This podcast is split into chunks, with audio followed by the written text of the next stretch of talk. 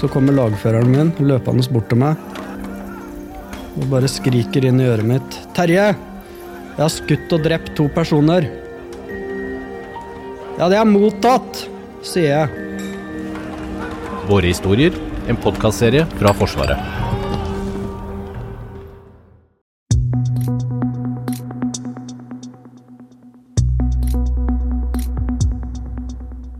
Lørdag kom statsråd Lehmkuhl hjem til Bergen etter to års jordomseiling. Lehmkuhl er skuta vår, Giv oss sted, av oss sted, som vi har pustet fin i år. og vi rettet kurs mot Bergen. Hold i alle tamper Mer enn 70 førsteårskadetter fra Sjøkrigsskolen har vært med på toktet de siste tre månedene.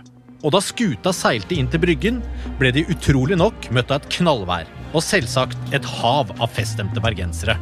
Ja, til og med kongen kom om bord for å hilse på. Men disse kadettene skal jo bli offiserer på hypermoderne krigsskip. Hvorfor i all verden blir de lært opp på ei gammel seilskute? Du hører på Forsvarspodden, og jeg heter Lars Halingstorp. Vi skal straks få høre hvorfor, men aller først møter vi kadett Thea Claus og blir med på innseilingen. Vi eh, mønstret på i eh, Cape Town nede i eh, Sør-Afrika. Og så har vi egentlig seilt oppover retning nord. Med stopp både innom St. Helena, Natal, Puerto Rico og Shetland for et par dager siden. Og nå har vi akkurat ankommet Fanafjorden i Bergen. Det er litt av en tur. Ehm, hva, hva, har vært, hva har vært dine oppgaver om bord her, da? Eh, Man har jo hatt litt forskjellige oppgaver i form av hvilken roller man har tatt på seg eh, de ulike etappene. Man har delt eh, hele seilaset opp i tre legg, som det kalles for. Så første og andre legget så har jeg egentlig bare vært en, en av kadettene i mengden som har lært seg hvordan man skal seile en gammel seilskute på best mulig måte. Dra i de riktige tauene, hvordan sette seil, berge seil alt det der. Uh, mens nå den siste etappen så har jeg vært eh, en del av kadettstaben og drevet på med logistikken om bord. Og sørge for at logistikken går i orden da når vi debarkerer fartøyet. Hva, hva, hva, hva vil du si du sitter igjen med? Hva er det du har lært for noe? Åh, nå spør du godt. Det, det er så mye inntrykk man har fått på tre måneder. Det, man har jo tatt sitt vanlige liv og flyttet det om bord på rett, rett rundt 100 meter langt skip. Eh, så jeg vil si bare veldig gode relasjoner man har knyttet til sine medkadetter. Eh, blitt kjent på et helt annet nivå enn hva man kan gjøre til vanlig. Eh, sjømannskap. Lære hvordan det er å jobbe og leve på sjøen. Hvordan det er å drive akademia på sjøen. Det er også en utfordring i seg selv. Så nei, det er bare mye inntrykk og mye gode erfaringer å ta med seg. Altså, dere bor jo fryktelig trangt. Altså, under dekk her så er det jo sånn Sånn som man virkelig ser for seg at en seilskute skal være. Dere, i, dere sover i hengekøyer. Eh, Er det noe rom for privatliv på noe vis? Nei, det privatliv det har man egentlig bokstavelig talt kastet på sjøen når man gikk om bord her. Så eh, eneste rommet for privatliv er når man står og dusjer. Og det Du er ikke alene da engang. Eneste som skiller deg og alle andre, er et eh, dusjforheng. Eh, Så du bare prøver å nyte tiden hvor du står litt alene, i hvert fall. Men eh, det har jo ikke vært eh, enkelt, fordi at enten så har vannet vært for, for lite Nei, hva blir det da? Det, når det var for varmt ute, så fikk man ikke kaldt nok vann. Og når det har vært kaldt ute, så har ikke man fått varmt nok vann. Så du har egentlig ikke lyst til å tilbringe for lang tid i dusjen heller. Ja, vi, vi var litt inne på det, det her med å, bo tett. Det er jo ca. 120 om bord, altså du har den faste besetningen. Og så er det så fastbesetningen på Statsråd Lehmkuhl, som da måtte drifter skuta. Og så er det da en 72, eh, 72 kadetter fra Sjøkrigsskolen. Er det bare harmoni? Å nei, gud nei. Det, det, når man bor så tett, eh, så kan den minste ting skape friksjon. Eh, eksempel hvis noen smeller med døren eh, når ett vaktlag sover, eller man eh, roter og ikke vasker klær, eller liksom både lukt og støy og Nesten til tider for noen har det vært at bare å se ansiktet til en annen person gjør at de har lyst til å gå en annen vei. Fordi man, er, man bor så tett oppå hverandre og man kan bli skikkelig lei av hverandre. Så det, det er liksom alle de småtingene der skaper friksjon. Så folk eh, Man lærer seg å liksom ta hensyn til andre. Uh, ja. Er det en av grunnene til at man kanskje er på nettopp på en sånn scooter? Nettopp for å lære det der, eh, med å akseptere hverandre og det har noe med lederskap å gjøre og se, se, mennesker og lære mennesketyper å kjenne. kjenne. Er det noe dere tenker på det, eller? Ja, det tror jeg virkelig. Det, du må liksom erfare Jeg tror det er en viktig erfaring å ta med seg videre ut når man skal begynne å jobbe. At uh, man har forskjellige metningspunkt på å være med andre og når man må trekke seg tilbake. Og man må liksom lære seg den respekten for at vi er forskjellige. Uh, og når man skal si, ikke plage en person, men når man skal spørre den, eller når man skal la den være i fred for den. Man ser, man ser på folk når de trenger sin space, da. Uh, og Det ser man veldig synlig spesielt med de som går med noise cancelling headset. Da er det bare, Med en gang det er på, så er det bare å holde seg unna. Vi sitter her også med, med Nikolai eh, Rasmussen. Du er som Thea, altså kadett første klasse. Um, hva, er det, hva er det du har savna mest på, det, på, dette toktet? Jeg vil nok si at det jeg har eh, savna mest, er egentlig mitt eget rom hjemme på sjøsiden. Savna litt den vanlige studenthverdagen. Rolige morgener og god natts søvn og en god frokost og ha en rolig hverdag. Det har vært eh, mye å gjøre. Lite søvn og vakt og akademia, og det har konstant vært et eller annet man skal gjøre. da. Så jeg savner veldig å ha en vanlig, vanlig rolig hverdag og prate med litt med venner og ha litt fritid. da. Men kan du fortelle litt hvorfor, hvorfor begynner man, eller hvorfor begynte du på Sjøkrigsskolen? Nei, jeg hadde jo lyst på en karriere i Forsvaret. Uh, så jeg var jo inne i førstegangstjenesten. Uh, men mitt inntrykk der var ikke at det var noe uh, garantert vei videre etter dimisjon. så jeg begynte jo å se på studiet i Forsvaret som på bachelorstudiet. og da søkte jeg jo. så første gangen jeg søkte, var jo i 2020. og da kom jeg ikke inn. og så kom jeg inn til førstegangstjenesten, og da tenkte jeg at ja, nå har jeg vokst en god del, da, så prøver igjen. Og da kommer jeg inn her, da. Og så sitter jeg her. Hvorfor vil du anbefale denne utdanningen her? Eh, jeg vil nok si at i motsetning til eh, ganske mange andre studier, så er det en mye bedre kombinasjon av praksis og teori. Eh, min erfaring er at på en vanlig høyskole så er det veldig mye lese og forstå, men her setter man det man lærer, da, i praksis. Hva er, det, hva er det du husker best fra turen? Åh, oh, nei, det er hele veien opp til uh, Puerto Rico så har vært veldig fint vær og veldig rolig sjø. Så etter vi dro fra Puerto Rico mot retning Shetland, da begynte lavtrykk å treffe oss og bølgene ble høyere. Så både det å se folk uh, komme løpende opp til Spygattet fordi at de blir sjøsyke for første gang, og bølgene som skyller innover dekk, og folk som prøver å hoppe over bølgene i takt for å unngå våte sko, selv om man skjønner at det er helt umulig. Det er egentlig bare humoren i å se hvordan folk oppfører seg uh, i situasjoner de ikke er kjent med. Så jeg syns det er morsomt. Men har du vært redd noen gang? Nei, jeg har faktisk ikke vært redd. Det, jeg har stortrivdes og syns det har vært utfordrende å teste grenser med tanke på å klatre i riggen uh, uten sikring i begynnelsen, uh, delvis av veien, og gjøre ting man aldri har gjort før, hvor man får beskjed om at her kan man miste fingre osv. Men det har opplevd det som veldig trygt og riktig og gøy. Så jeg har egentlig ikke vært redd for det, nei. Hva skjer de neste dagene nå, da? Neste dagene nå? Nå uh, må vi bare bli ferdig med å shine skuten så den ser fin ut. Uh, så skal vi komme oss inn til Bryggen. Uh, synge litt shanty fra riggen. Håper, håper folket som står på kaien, hører oss.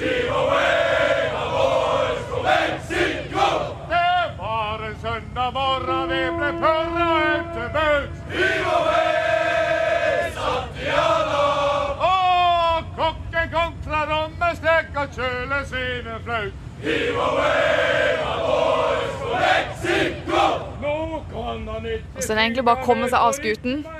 Uh, si hei til familie og komme seg inn i normal tilværelse igjen. Og ja, lande blir vel egentlig det som blir riktig å si. Ja, er, det sommer, er, det sommerferie da, eller? Det er det overhodet ikke. Eh, vi starter på igjen på mandag. Da er det nytt emne, nye, nye hverdag og nye ting vi skal lære. Så her er det ikke mye rom for hvile. Men dere, dere skal jo ikke jobbe på seilskute eh, når dere er ferdig utdanna på Sjøkrigsskolen. Hva, hva, tror du blir den liksom, største forskjellen?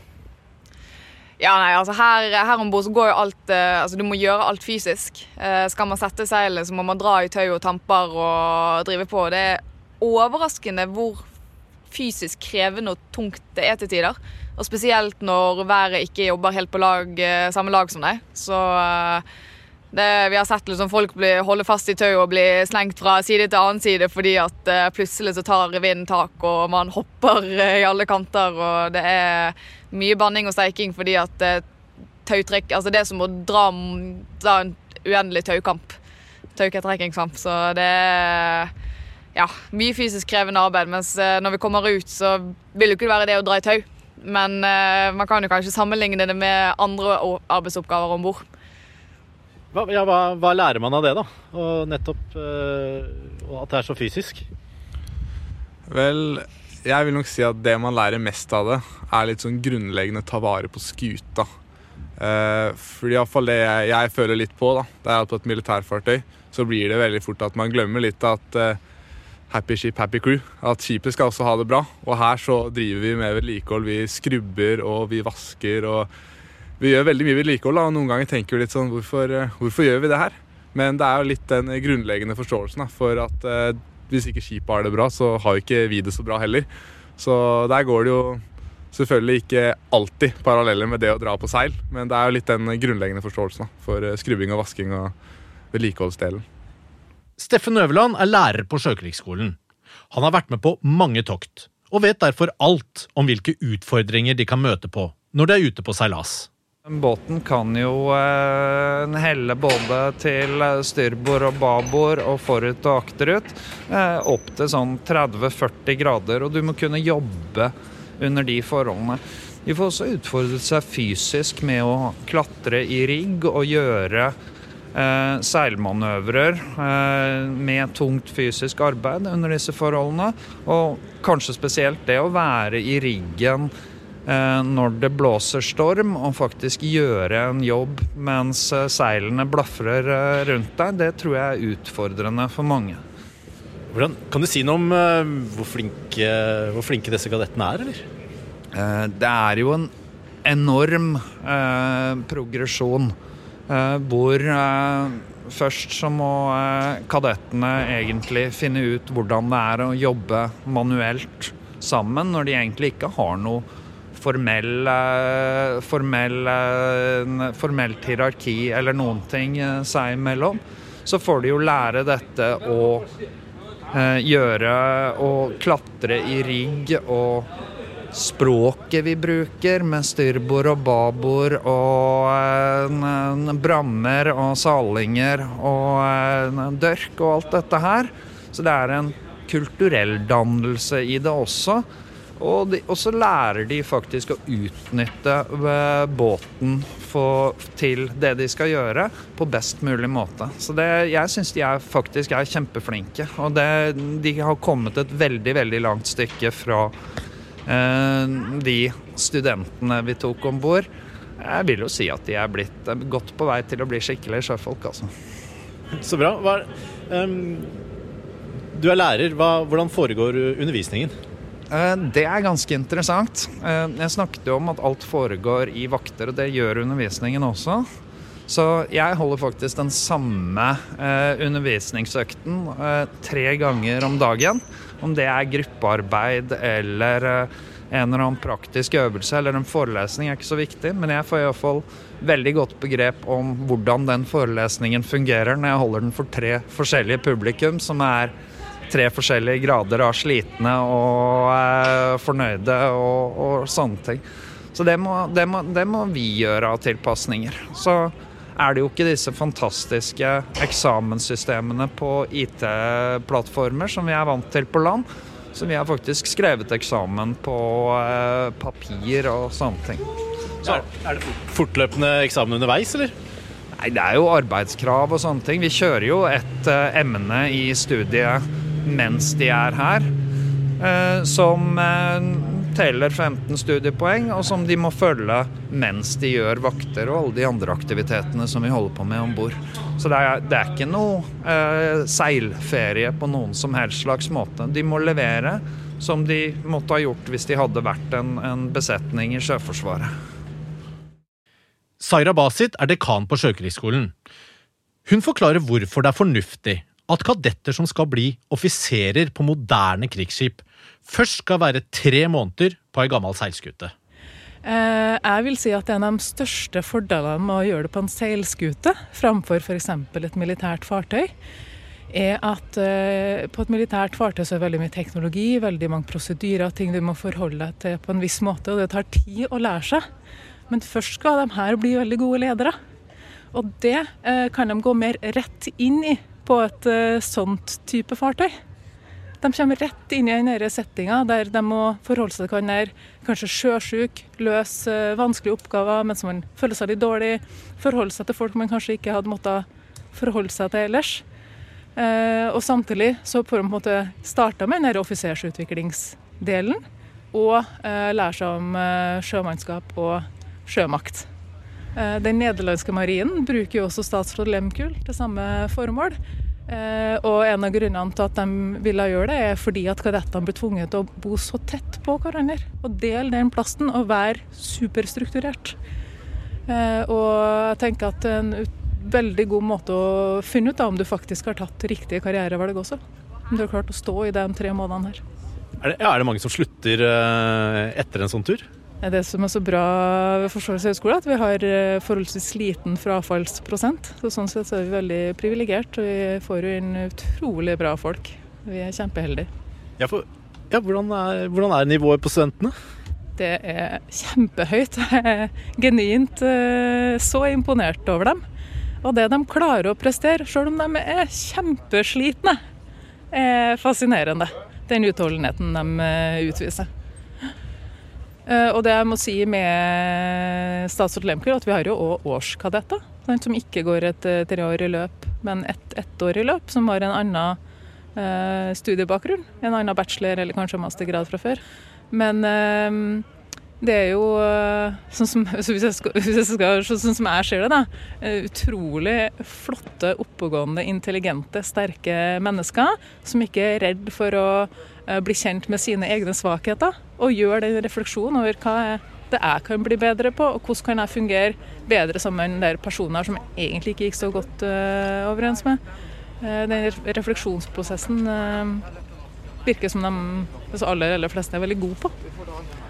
Man skal tåle å være på sjøen over lengre perioder og stå i det i militære operasjoner. Og gjøre det som kreves i pressa situasjoner i den sjømilitære konteksten, som er helt spesifikk.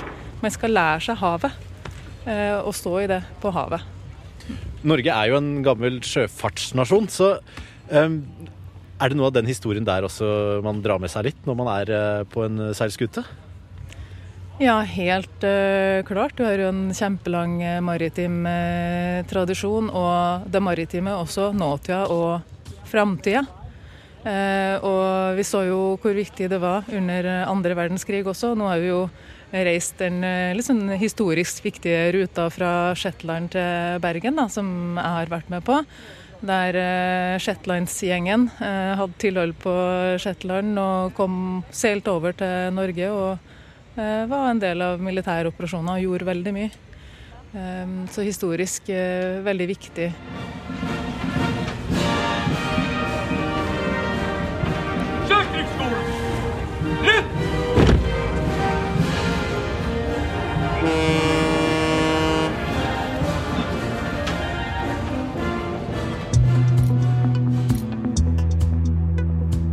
Du har hørt på Forsvarspodden, og vi kommer med en ny episode hver onsdag.